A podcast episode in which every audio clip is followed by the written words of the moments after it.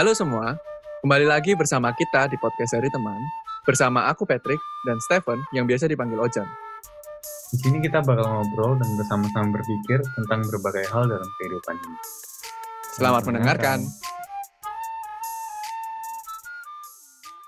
Ya, halo semua. Jadi hari ini em, aku nggak rekaman sama Stephen lagi karena Stephen masih ujian. Dan aku kembali mengundang teman teman-teman kerenku di Surabaya. Wih. Jadi minggu lalu aku kan ngundang salah satu founder eh, Cek Lab ID. Nah hari ini aku ngundang teman aku yang aduh, apa penulis juga, moderator UN, pernah jadi moderator UN kalau nggak salah. Kita panggil aja lah ya. Halo Yul. Halo. Kok, kok malu-malu gitu? Iya, ini pertama kali podcast. Wih, kehormatan buat Hmm. podcast dari teman berarti. Perkenalan Yul, silakan. Ya, aku Yulia. Aku dulu satu SMA sama Patrick. Terus kita terakhir nih nggak pernah ngomong. Terus nggak ada apa-apa. Ya kayak komen, eh, komen-komen story-story gitu. Terus kita mulai ngomong-ngomong lagi. Jadi ya kita aku sekarang di Surabaya. Habis kerja-kerja di Jakarta. Terus sekarang balik ke Surabaya. Wih. Iya, bener juga ya. Sebelumnya kita tuh waktu SMA nggak pernah ngobrol kan ya sebenarnya. Nggak pernah, nggak pernah. Iya. Ini kebutuhan podcast jadi sebenarnya makanya ngontek-ngontek orang-orang lagi. Oke. Em, hari ini kita mau ngobrol tentang infodemics nih. Hmm. Iya. Em, biasanya kalau info kalau definisi-definisi itu tugasnya Stephen, cuma hari ini nggak ada Stephen.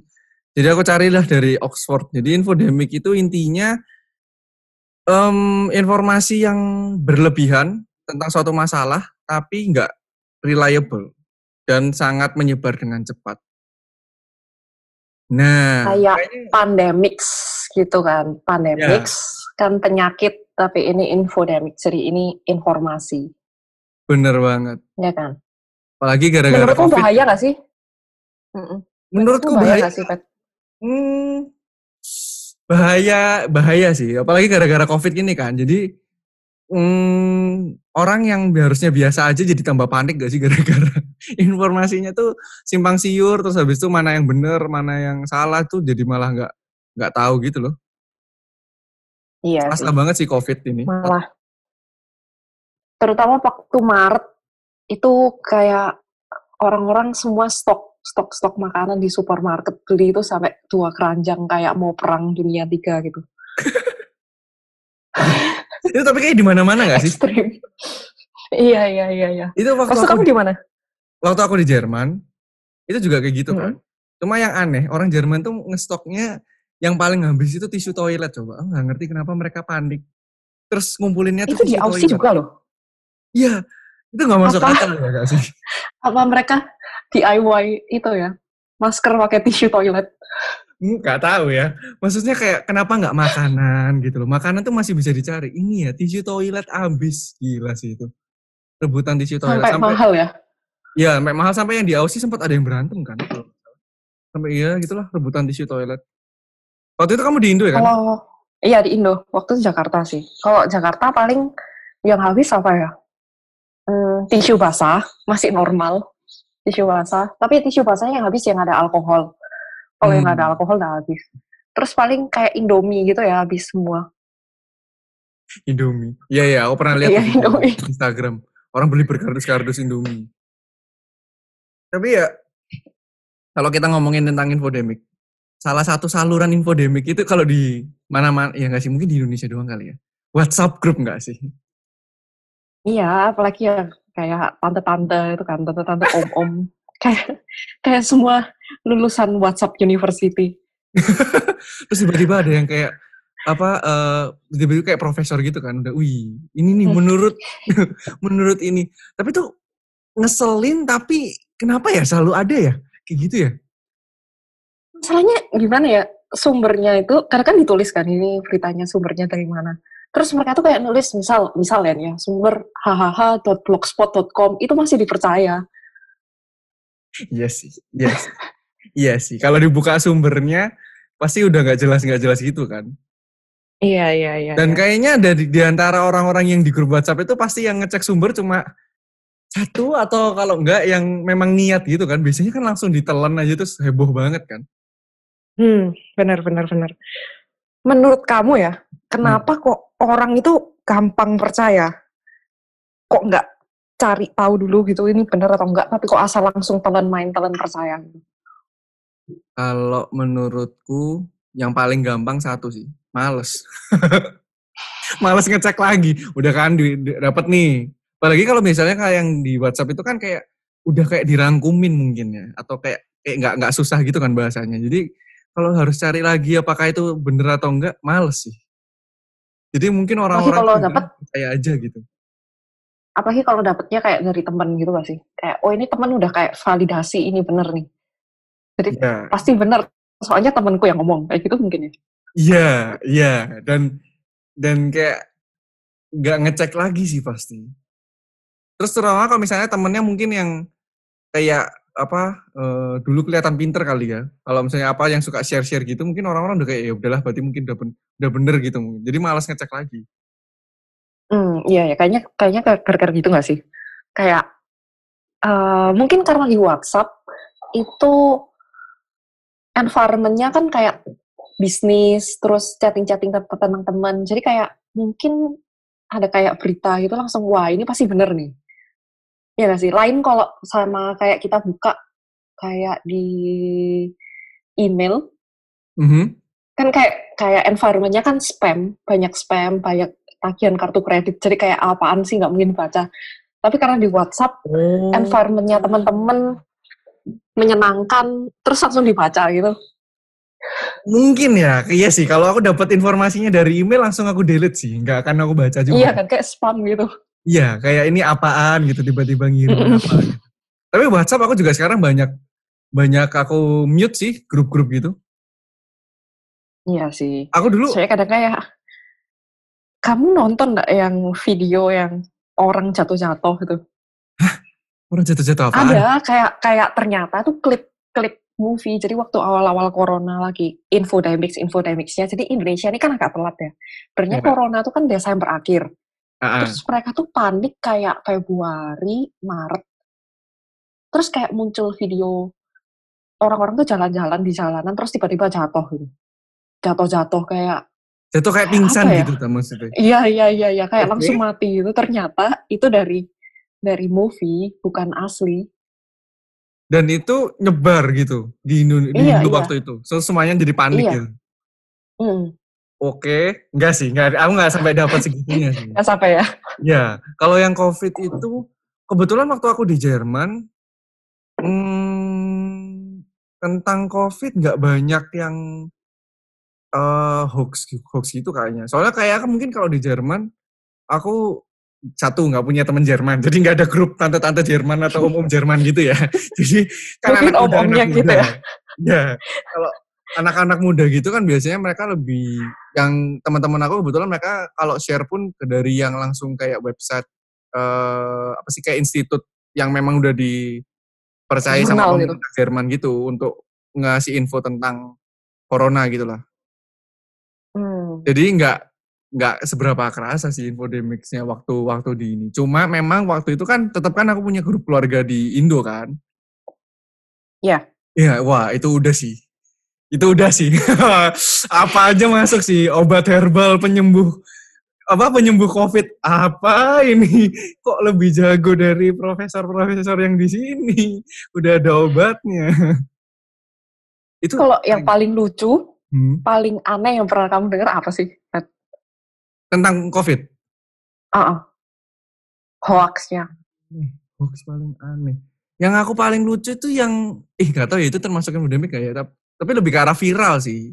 Yang paling aneh Hmm. yang di apa YouTube-nya salah satu public figure, terus ada bapak-bapak mengakui bahwa dia eh, punya obatnya COVID, tahu nggak sih? Oh, ya, ya tahu tahu tahu tahu. Terus yang ternyata ditangkap nggak sih? Aduh, nggak tahu deh. Aku nggak ngikutin. Kayaknya, eh, kayaknya jadinya ditangkap atau nggak tahu. Nggak, aku nggak ngikutin. Nggak tahu sekarang ditangkap atau nggak. Itu yang paling aneh sih. Hmm. Dan masuk ini kan, ah, sebut merek nggak apa lah ya. Masuk Line Today kan. Aku kan ngikutin Line Today kan. Masuk Iya. kayak dia bilangnya situ, ah, sudah dipesan sama apa kerajaan UK gitu katanya. Ratu Elizabeth pesan dari dia. Oh, saya kayak, Hah, kayaknya kok nggak mungkin ya Ratu Elizabeth uh, percaya bahwa itu obat obat COVID. Cuma ya. Semacam Sunda Empire gitu. uh, Sunda Empire itu juga dulu banget sih. Parah. Itu itu itu itu mind blowing ya. Iya, iya. Nah, tapi kalau tiba-tiba aku kepikir gitu, kalau misalnya kita ngomongin tentang infodemik gitu ya, kalau di Indonesia hmm. kan kayaknya cepet banget ya. Aku nggak nggak bisa hmm. ngomong nggak hmm. qualified untuk ngomong di Jerman karena ya balik lagi mungkin di Jerman aku nggak seber kan nggak punya keluarga di sana, jadi nggak punya banyak kenalan umum tante-tante gitu. Nah, salah satu faktor yang aku pernah baca di internet, kenapa hmm? hoax itu lebih gampang nyebar karena biasanya antara dua yang biasanya gampang terpercaya itu less educated atau politik ekstremis katanya. Emang di Indonesia hmm, kayak gitu? Gimana tuh? Um, eh ya, ini ada sensitif nih. kalau menurutku ya yang masalah less educated ini bukan untuk kritik edukasi kurikulumnya Indonesia ya menurutku ya. Yeah. Tapi lebih kayak kenapa kok orang-orang Indo ini lebih mentingin dapat nilai hmm. tanpa ngerti. Jadi kayak kita ini lulus sekolah tapi nggak ada kayak apa ya nggak ada lifelong learning atau nggak ada curiosity buat cari lebih lanjut. Hmm. Soalnya kadang ya, misal kayak kita waktu SMA bisa nih kerjain logaritma, kalkul, kalkulus lah, hmm. atau misal uh, matrix dan sebagainya. Tapi kalau misal sekarang kita yang umur-umur agak tua gini, dikasih soal, yeah. bisa nggak ngerjain?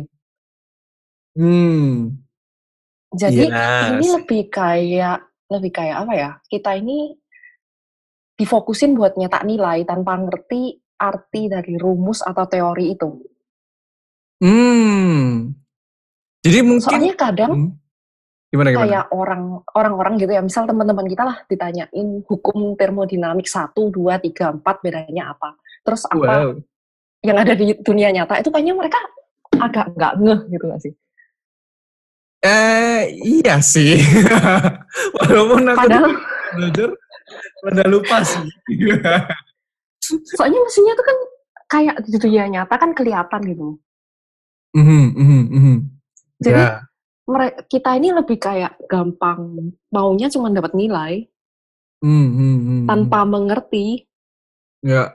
ya. Yeah jadi bukan less educated, tapi less curious. Less curious. Uh, wow. Iya. Keren tuh, bisa di anu, highlight abis ini. Tapi mungkin itu menurutmu gimana nih? Political extreme tuh kayak gimana nih? Waduh, political extreme kurang ajar. Nah, yang edukasi dia yang jawab, yang political Aku ya. hmm. Menurut kamu gimana nih, Pak? Hmm. Wah. Susah yang Jokowi nih habis gini nih. Maksudnya gimana nih? uh, kalau kalau yang dari aku yang baca ya tentang yang political extreme itu sebenarnya uh, dia nggak spesifik tentang COVID sih. Dia cuma ngambil tentang contohnya uh, paling gampang waktu kalau yang di sini nggak baca uh, sih pemilihan presiden US yang waktu si. -huh. Trump menang. -huh.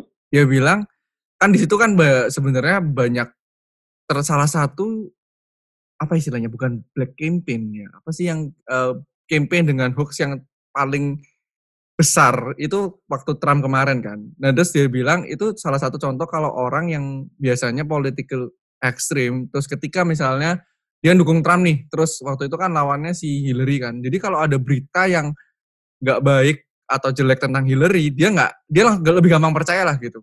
Karena kan dia udah kayak misalnya Trump garis keras gitu. Kalau di Indo hmm contoh di Indo ya nggak tahu sih paling gampang paling aman sebenarnya itu contoh Trump itu menurut aku. Iya iya iya. Termasuk di COVID kali ya. Mungkin kalau COVID aku nggak tahu sih. Mungkin kalau COVID gini mungkin yang pendukungnya Jokowi atau bukan Jokowi gitu ya. Kalau hoax tentang pemerintah yang apa tipu-tipu kan ada nggak sih yang cerita bukan hoax mungkin atau kayak berita tentang data di Indonesia itu banyak ditutup-tutupin. Pernah denger nggak? Iya sih. Nah, kurang itu, transparan gitu. Iya, iya. Nah itu kan kayak, aku kadang-kadang juga hmm, bener atau enggaknya kan kayaknya nggak ada yang bisa buktiin juga. Kan.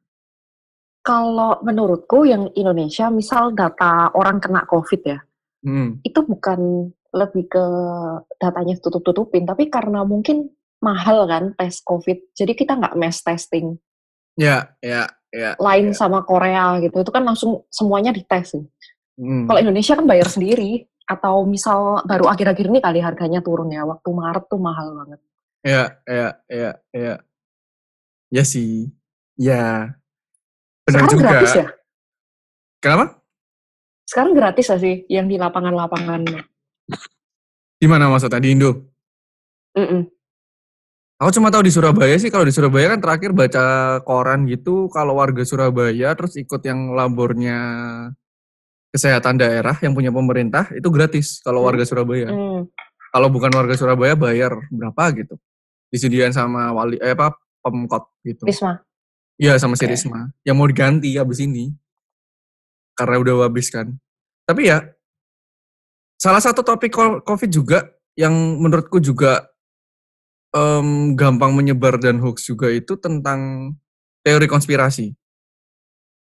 Gimana Dan tuh? Di mana-mana kayaknya sempat dibahas tuh. Kayak kalau sebenarnya eh, COVID ini apa cuma cuma diatur sama elit global yang ya mereka nggak tahu lah siapa itu elit global ya. Terus katanya jadi itu sebenarnya eh, nggak perlu sampai lockdown atau segala macam gitu. Dan menurut aku, hmm, walaupun dibahasnya sama ya, di maksudnya di di Jerman juga sempat ada ada juga yang percaya tentang teori konspirasi dan segala macam. Tapi kayaknya di Indonesia sempat heboh banget nggak sih tentang itu? Dan bahkan Heboh sampai itu- ada kayak Hmm? nggak usah pakai masker dan segala macam gitu. Oh, itu bukan untuk herd immunity itu ya? Herd immunity yang 80% itu kan. Iya. Nggak tahu deh kalau itu ya. Cuma yang waktu aku pernah lihat berita-beritanya, pokoknya oh ini tuh sebenarnya eh, apalah intinya nggak berbahaya dan segala macam, nggak usah physical distancing, eh, social distancing, nggak usah pakai masker segala macam. Kalau nggak salah nangkep ya pada saat itu. Hmm. Dan itu menurut aku, oh waktu itu aku paling kesel itu sih. Kayak gitu tuh kayak gimana ya? Mungkin kalau disambungin dengan yang less curious atau less, aku tetap mungkin tentang less educated mungkin lebih ke arah ini. Bener kamu less curious atau mungkin lebih ke arah orang yang nggak biasa baca atau punya akses untuk scientific paper sendiri ya atau informasi yang bener gitu ya. Itu kan jadi Hmm. apa sih istilahnya ngesatin banget nggak sih kayak gitu-gitu tuh? Jadi kayak lebih ke panik ya. Paniknya, panik tuh lebih nyebar, nyebar cepat dibanding COVID menurut aku ya. Iya, bener banget. Ya kan? Dan hmm, akses informasi mungkin ya itu yang menjadi juga kenapa infodemics itu jadi maksudnya kenapa sampai ada infodemics itu juga menurutku akses informasi mungkin ya. Nggak semua orang mungkin aksesnya ada tapi nggak semua orang tahu harus akses ke mana nggak sih? Eh, soalnya menurut aku gini sih, waktu kita SARS atau MERS sekitar tahun 2000 itu kan kita belum pakai smartphone ya. Mhm, Kita kayak pakai SMS gitu gak sih? Iya. SMS terus BBM, eh BBM enggak ya BlackBerry itu. Cuman BBM 2000. kayak aku kerasa Hmm, 2000-an, eh kita BBM tuh berapa ya? 2012 ya? 2010. 2010. Nggak inget sih. Jadi kayak mungkin dulu tuh yang kontrol informasi, koran, media massa, berita gitu kan. Tapi sekarang berita tuh ada di fingertips. Jadi semua tuh penyebar berita. Semua penyebar. Ah, ah, ya. Iya kan? Soalnya kayak kita tinggal broadcast-broadcast tuh kita udah kayak jadi koran, udah kayak orang berita-berita gitu. Hmm, hmm, hmm, hmm. Ya sih. Mungkin ini virus pertama yang outbreak, orang-orang udah kayak punya eh, punya kemampuan buat jadi media massa. Makanya jadi infodemics plus Ah. pandemics.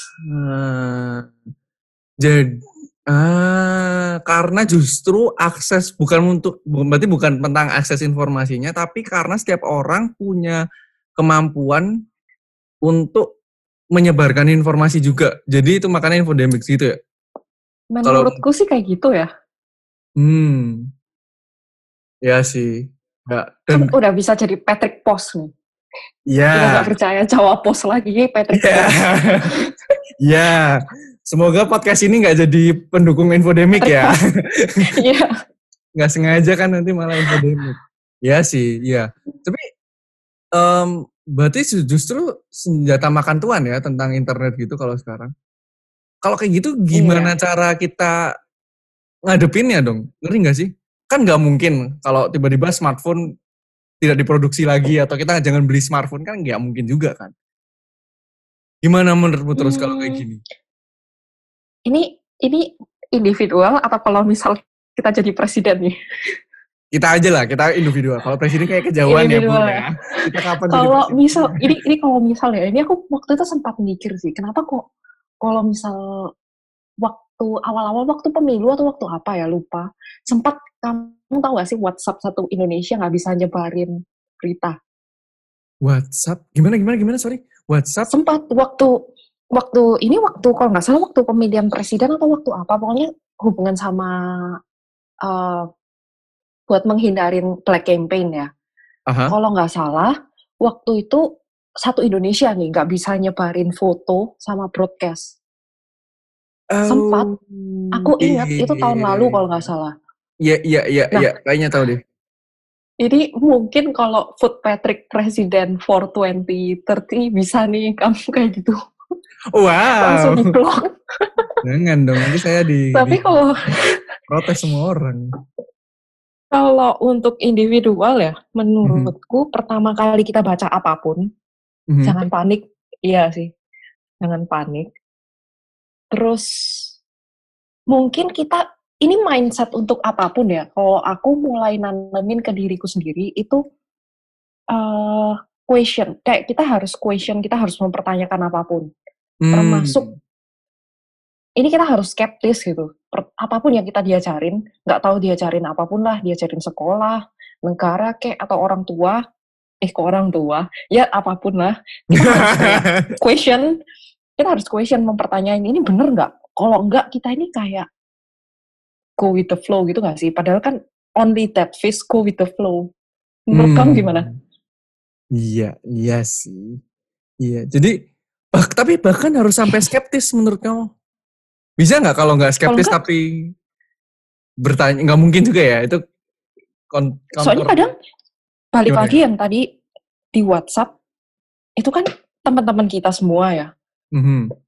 Kadang yang kita percayain pun, yang orang pinter pun, yang sayang kita juga, Mhm. ya maksud mereka pasti sayang lah buat memperingatin. Itu juga penyebar berita palsu. Iya. Walaupun mungkin mereka nggak bermaksud gitu ya. Mereka maksudnya baik Hmm, buat kita hmm, hati-hati gitu kan. hmm, Tapi yang disebar itu salah. hmm, hmm, Oh sempat nih ada cerita lumayan aneh ya yang aku dapet ya. hmm, Itu dari teman kerja atasan gitu. Dia hmm. kayak ngomong eh, orang gila itu nggak ada yang kena covid. Oh, eh, ya, Orang gila. oke. Jadi obat obatnya itu ada di orang gila. Jadi kita harus ekstrak darahnya orang gila. Wow. Dari mana itu? Ini aku baca kayak gimana gimana wow. orang gila diekstrak gitu. Satu menur diekstrak. Ah, kenapa?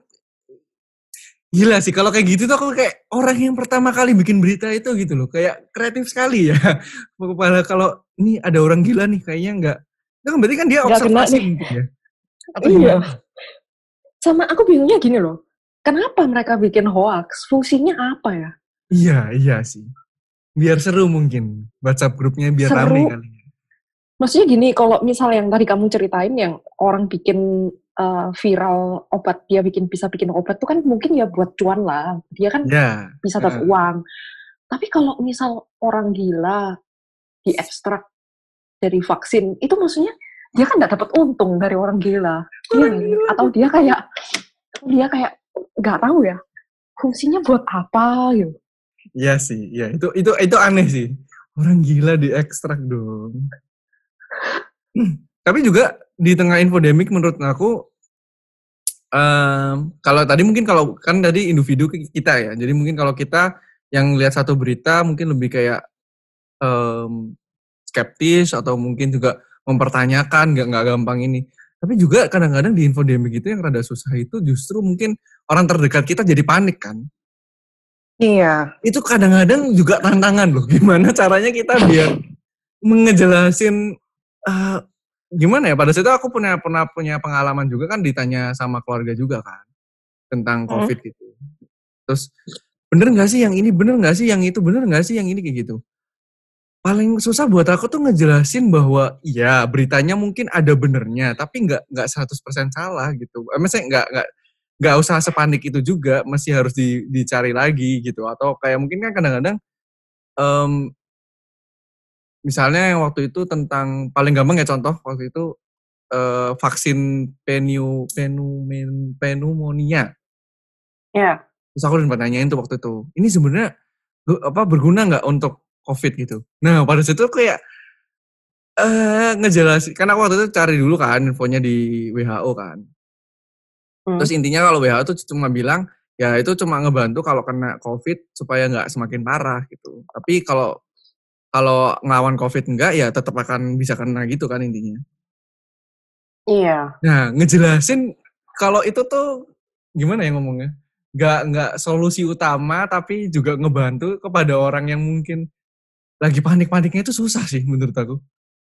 Pernah nggak kamu juga kayak mana nih cara ngejelasinnya supaya nggak panik nih? Atau mungkin kita yang dapat informasi terus supaya orang yang dikasih tahu nggak panik gitu loh. Ngerti nggak sih maksud aku? Iya sih. Itu Terutama kayak yang rajin cuci tangan sampai tangan kering gitu sih? ya tapi ya mending gitulah daripada orang yang ini kan daripada orang yang malah nggak nggak pernah cuci tangan ya kan? Mungkin positif aja kali kita ya. Menurutmu cuci tangan bisa bunuh virus gak sih? kemarin aku sempat ngecek tuh. Katanya kalau yang ini karena eh, apa sih kapsulnya nggak seberapa nggak seberapa kuat katanya lewat cuci tangan bisa. Nah jadi nggak tahu deh. Kenapa? Kamu ada ada pernah baca juga Hmm, soalnya iklan-iklan Lifebuoy dulu kan cuman bunuh bu- bakteri sama kuman ya. iya sih Iya kan? sebenarnya Terus iya sih kayak aku beberapa kali kayak ngeliat misal bakteri, virus, kayak kita kerja kultur jaringan gitu. hmm. Kadang tuh sampai dicuci, dicuci kayak di presto, semacam presto gitu. Hmm. Kadang sampai 120 derajat diputar pakai alkohol lah, pakai apa. Itu aja kadang masih bisa kontam. Hmm, hmm, hmm, ya, ya, Terus sama waktu berita itu Black Death, tau gak sih yang tahun 1500-an, yang Mhm. populasi manusia hilang setengah itu, ya, pes, ternyata kena pes. ya, Itu ya. katanya waktu orang uh, mau ngecek, mau kayak bikin research, kuburannya kat- katanya digali gitu, virusnya masih ada, Uh, oke. 200 tahun. Hmm, hmm, hmm, hmm.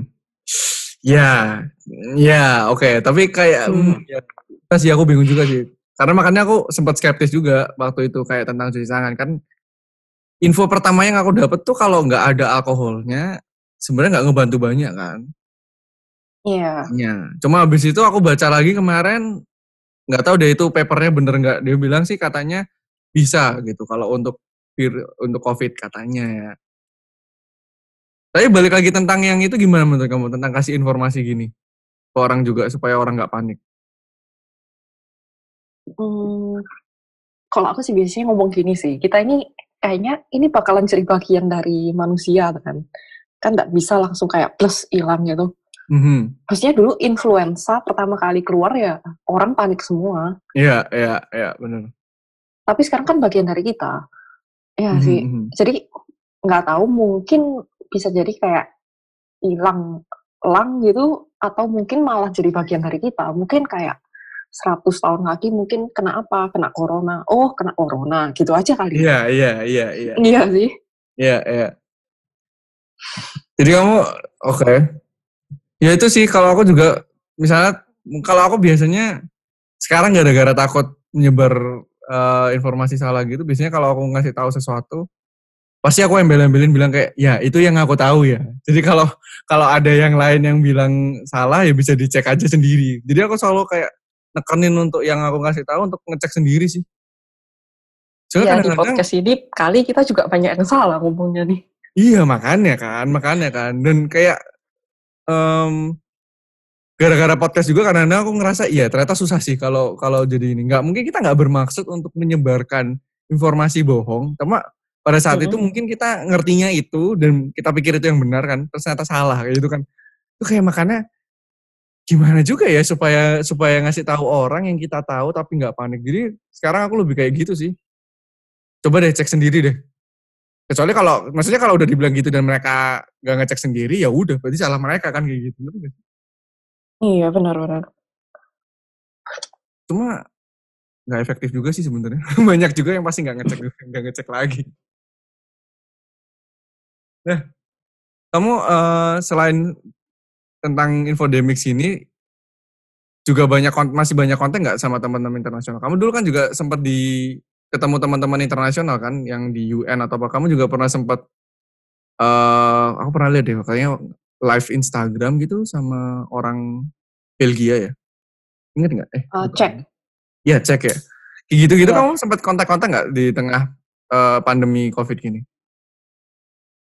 Hmm, kontak-kontak sih sama mereka kadang-kadang kayak ngechat gimana kabarnya, terus kok kelihatannya tambah parah Indonesia kayak gitu sih. Terus Oh mereka yang nanya. iya, Oh, biasanya kayak mereka ya kayak iya, kayak ngecek gitu. Kayak kamu masih hidup kan? Eh kalau yang aku tahu ya, malah Hmm. di UK, tapi mungkin daerah Northern Ireland ini ya, Mhm. mereka juga PSBB lagi. Oh oke. Oke. Soalnya habis gini winter kan, Mhm. imun Ah. kita pasti beberapa minggu kayak melemah gitu. Ya ya pergantian musim ya. Mm-mm. Tapi tentang infodemic mereka punya pengal apa pernah ada yang cerita nggak? Iya nih banyak hoax juga nih di negaraku atau gimana? Sama-sama banyak hoax sih. Ya kayak mirip-mirip Indonesia sih ya. Jadi bukan Indo doang ya ternyata. Iya. UK juga kayak gitu. Iya, katanya juga banyak berita-berita katanya kalau kena paru kena udah pernah kena corona eh, paru-parunya nggak bakalan recover kayak mungkin fungsinya cuman 50% atau berapa persen gitu. Eh, itu aku juga pernah dengar awal loh. sih. Iya kan? Iya iya itu aku juga pernah denger loh. Terus orang jadi makanya panik semua kan kalau mau kena COVID. Hmm. Oh, berarti nggak nggak pengaruh ya di negara apa? Soalnya aku mikir awalnya aku juga mikir apa mungkin karena kalau negara yang udah maju, tapi juga nggak juga sih US juga. Setelah pikir-pikir US juga banyak orang yang aneh-aneh juga. Iya, Eh, iya. oke. Never mind. Eh, Apalagi tapi itu nggak sih kalau di Indo ini sering kayak dikucilin gitu gak sih? Kalau kena. Ya, itu aku sempat bahas tuh di episode sebelumnya sama teman aku yang punya eh, Yang- satu aplikasi namanya Check Lab kan. Makanya Iya, sampai sekarang kalau ada yang kena aku nggak mau ngomong. Kasihan gak Hmm. sih? Iya, itu aku juga itu mungkin karena juga karena infodemic kali ya. Jadi orang semakin tak panik kalau ada yang kena, mungkin kan harusnya cuma ya udah karantina aja gitu, nggak usah sampai kayak nggak deket-deket banget gitu ngeri nggak sih sampai harus dikucilkan gitu. Tapi di Indonesia banyak sih sanksi sosialnya. Sampai uh, banyak kayak misal owner, misal restoran atau depot langsung sepi. Karena oh karena orang nggak mau Karena- makan di restoran. Uh, waktu itu beberapa gosip ya, katanya supermarket A yang punya kena COVID. Terus resto A gitu. Ini sensor ya, resto A Hmm, kena COVID nih. Padahal ternyata jantung. oke. Hmm. Ya. Langsung sepi gitu. Ya, padahal kan sebenarnya lucu juga ya, yang punya belum tentu setiap hari ada di depot mungkin ya. Iya. Oh, dan itu iya sih sekarang juga di Indonesia kalau ada yang meninggal, pertanyaan pertama, kenapa COVID ya? Langsung itu gak sih? Iya, iya, iya, benar, benar, benar. Langsung kayak yang dicek pertama kali, bukan kayak, men, eh ini Nah, Orang-orang ya. Iya, apa kayak apa turut berduka cita atau apa kayak langsung pertanyaan, kenapa COVID ya? Gitu. Gila, kasihan Iya. banget pak. Banyak sih kayak gitu. Ada cerita juga dari, aku juga sempat cerita di episode sebelumnya, yaitu yang kayak hmm, disuruh, jadi kenalannya temenku atau gimana gitu, dia punya, mungkin kayaknya restoran deh atau apa gitu, dan pegawainya itu rajin-rajin di rapid atau di serologi gitu. Di rapid kayaknya. Di rapid doang padahal, tapi dia nggak mau. Si anak buahnya. Terus si si teman kenalannya temanku ini bilang, "Oh, kalau kamu nggak mau ya kamu aku pecat." Rela dong dipecat demi nggak ada demi nggak ketahuan Covid. Sampai kayak, "Halo, Wow. kok segitunya ya?" Sampai takutnya. Padahal tes gratis. Iya, dibayarin loh gratis. Dan cuma demi supaya nggak diketahuan Covid, sampai kehilangan pekerjaan kan rada kasihan ya. Hmm. Kayak gitu sih. Kalau kamu kamu bukannya juga punya ini ya, restoran ya? Atau gimana? Iya. Itu gimana Iya kalau sih, di punya. tempat kamu? Ada juga yang kayak gitu nggak? Sampai takut kayak gitu atau sempat terkena gosip-gosip infodemic juga nggak tuh? Mmm, ada sih siapa digosipin waktu itu kayak Maret atau April jadi waktu lagi hype-hype-nya terus ini digosipin ini kena corona sampai tengkar-tengkar gitu drama-drama sendiri tapi ternyata kan nggak kena kan. Tapi ya gitu sampai drama. Sesama kayak ini maksudnya sesama pekerja? sesama staff sesama Oh. staff terus sampai sampai mungkin kalau di beberapa orang kayak kalau kena itu kayak malu itu kali ya atau apa ya ya mungkin ya takut dikucilin juga Iya, iya. Ya itu sih menurut aku susahnya di aku bilang Indonesia karena aku orang Indonesia ya, bukan membeda-bedakan dan sok-sokan aku ada di Jerman dan enggak. Tapi menurut aku susahnya sebagai orang Indonesia juga itu untuk ngajak waspada tapi enggak paranoid, ngerti gak sih? iya. Iya, mesti hati-hati, iya tapi iya iya iya. gak usah lebay juga gitu. Kayak ya aku ngerasa juga sih dulu aku mungkin sampai sekarang enggak enggak sih sekarang udah mendingan. Dulu juga aku lebih kayak kalau disuruh hati-hati itu kayak langsung takut gitu ngerti kayak "Wah, mati mati aku aku kenapa ini? Aku kenapa ini? Aku disuruh apa ini? gitu kayak susah banget sekarang kayaknya ngasih tahu untuk harus hati-hati tapi nggak usah sampai sampai panik juga gitu kan karena ya sampai new normal kan ya karena masih maksudnya new normal itu Hmm. juga mindset kita harus new normal Ya, ya, iya, iya, iya. Dan aku inget juga awal-awal COVID yang waktu sebelum masuk Indonesia kan kita kayak di Indo kayak aduh apa sih eh, ngehina-ngehina gitu nggak sih? Apa sih kayak pede-pede gitu? Yang beda-beda gimana apa ya kayak apa Indonesia nggak pernah orang Indonesia nggak akan kena COVID karena makannya micin karena makanan apa oh karena pinggir jalan lebih lebih ini lebih kotor jadi imunnya udah terjaga pernah kan kayak iya gitu. iya iya benar benar benar Aduh itu kayak oke, itu karena belum terdeteksi aja coy. Sekarang orang pada panik. Udahnya masuk sekarang yang paling panik kan kayaknya orang Hindu deh. Parah. Kesel banget. maklum sih kalau panik cuman paniknya kecepatan waktu itu Oh. virusnya masih di Singapura udah panik duluan. Sekarang virusnya di sini, mereka malah kita malah sibuk sepeda, terus kita malah males baca berita, iya sih? Iya, iya, iya. Tapi emang Saya capek sih ngikutin beritanya. Iya, cuman mereka paniknya kecepatan. Ah. Jadi ke Waktu- sekarang keburu udah kita udah zona hitam malah udah capek, malah kangen kumpul-kumpul. Iya sih, tapi COVID itu bikin gak bisa kumpul-kumpul kesel banget sih. Oke. Ya, ya gitu sih. Kayaknya tentang infodemic udah lah ya, kita banyak ngobrol hari ini. Mm-mm. Em, Eh, hmm? Tapi yang itu yang kita diskusiin belum loh. Menurut Apa kamu tuh? gimana yang uh, Dunning-Kruger effect? Oh, ya. Dunning Dunning Kruger effect. Em, itu kayak jadi salah satu mungkin pe- mungkin nyambungnya ke less eh, less educated itu mungkin ya. Bukan sih, bukan less ya ada sedikit nyambung lah. Jadi ada satu satu ini kan satu apa ya itu? Graph satu Kurva gitu? kurva ya kan menunjukkan bagaimana kasarannya ya gimana Hmm. orang yang nggak tahu apa-apa itu justru semakin banyak ngomongnya kalau orang Iya. Indonesia bilang tong kosong nyaring bunyinya nah itu kerennya Iya benar benar benar. Dunning-Kruger effect tapi ya kenapa tuh kamu mau ngomongin itu gimana tuh gimana? Menurutku lumayan nyambung ya kira-kira ya. Mhm. Masalah less curious itu kan kayak uh, cognitive bias gitu. Jadi kita ini punya ilusi uh, buat nilai kemampuan kita sendiri. Jadi kadang Ya. kita ini kayak misalnya kayak biasa aja gitu, tapi kita kayak self assessment, wah gua superior, aku pinter kayak gitu gak sih? Iya sih. Jadi di kurvanya itu kalian bisa cek Dunning-Kruger. Jadi kayak penelitian hasilnya itu kayak dia bikin kayak kurva yang y axis itu confidence, vokal confidence banyak omong. Terus yang x axis itu knowledge sama wisdom. Jadi bentukannya tuh kayak gunung naik, naik parah, terus turun lagi, terus agak naik lagi. Jadi kayak gunung kayak apa gitu ya? N, huruf N gitu kali. Mhm, Jadi awal-awal orang-orang knowledge sama wisdomnya biasa aja, itu kayak pede-pedenya gitu. Ya, Terus ya. jatuh karena mungkin belajar, oh ternyata aku nggak ngerti apa-apa ya. Itu Mhm. namanya folly of despair. Jadi dari peak of stupidity, terus jadi folly of despair. Iya, iya. Menurut Ya. kamu relate gak sih?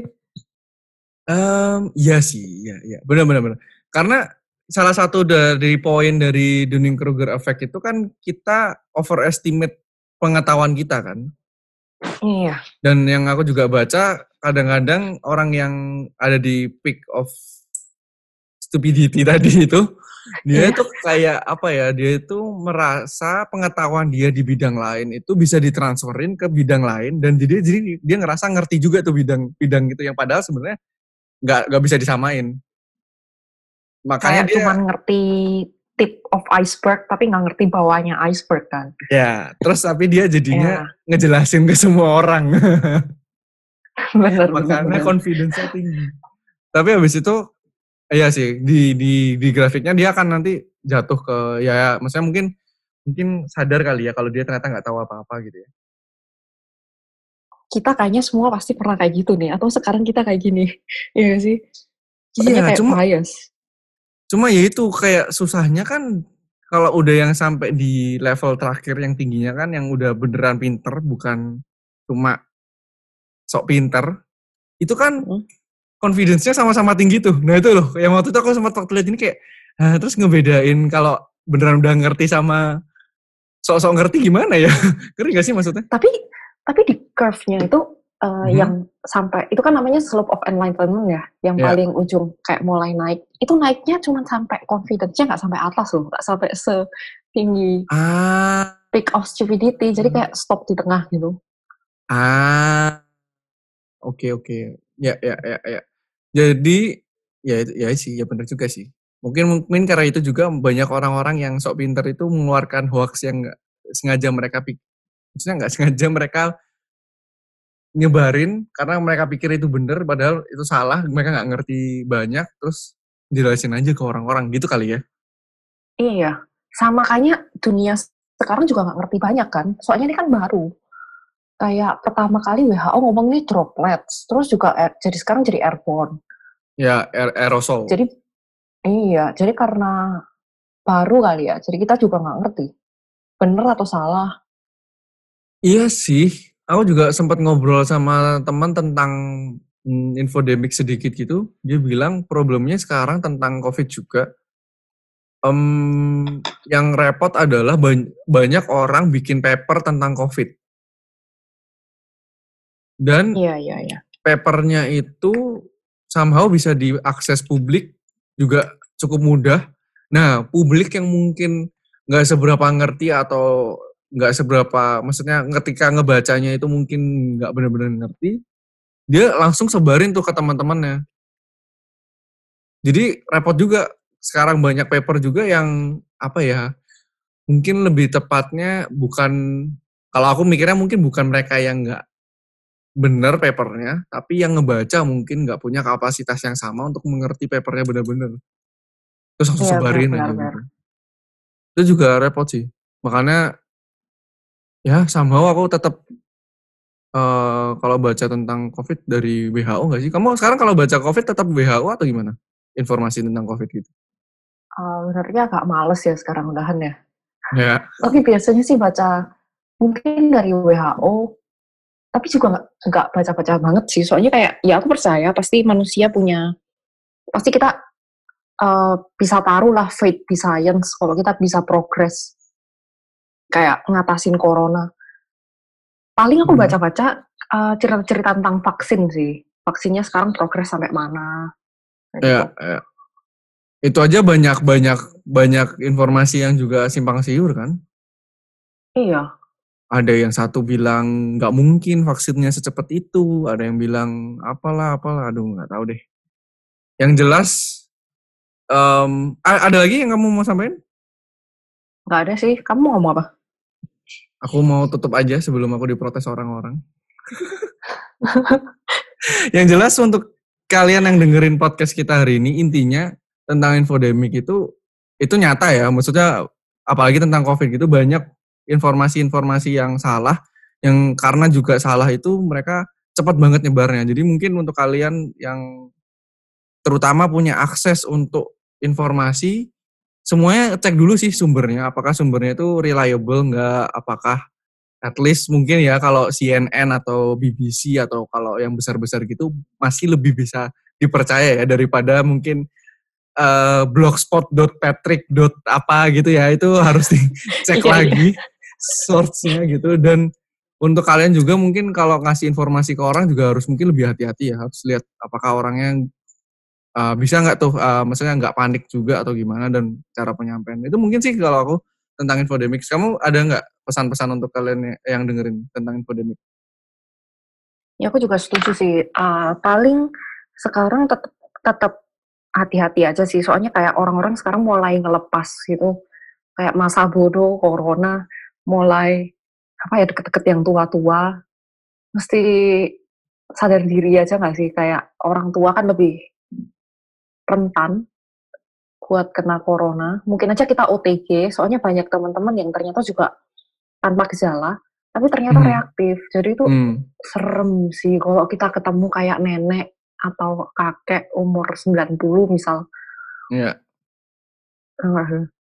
oke ya dan mungkin juga yang tadi aku ngulangin yang kata si Yul tadi tetap eh, kalau bisa skeptis juga ya maksudnya selalu mempertanyakan informasinya itu dan selalu gak cuma mempertanyakan tapi juga cari tahu jangan jangan cuma tanya doang terus nggak nggak cari tahu juga oke ya sekian Dan itu dalam hal apa pun ya. ya ya ya ya Dalam hal apa pun bukan cuma corona. Siap. Oke, sekian episode hari ini. Kali ini kita ketemu di episode selanjutnya. Ya. Thank you. Bye-bye. Bye.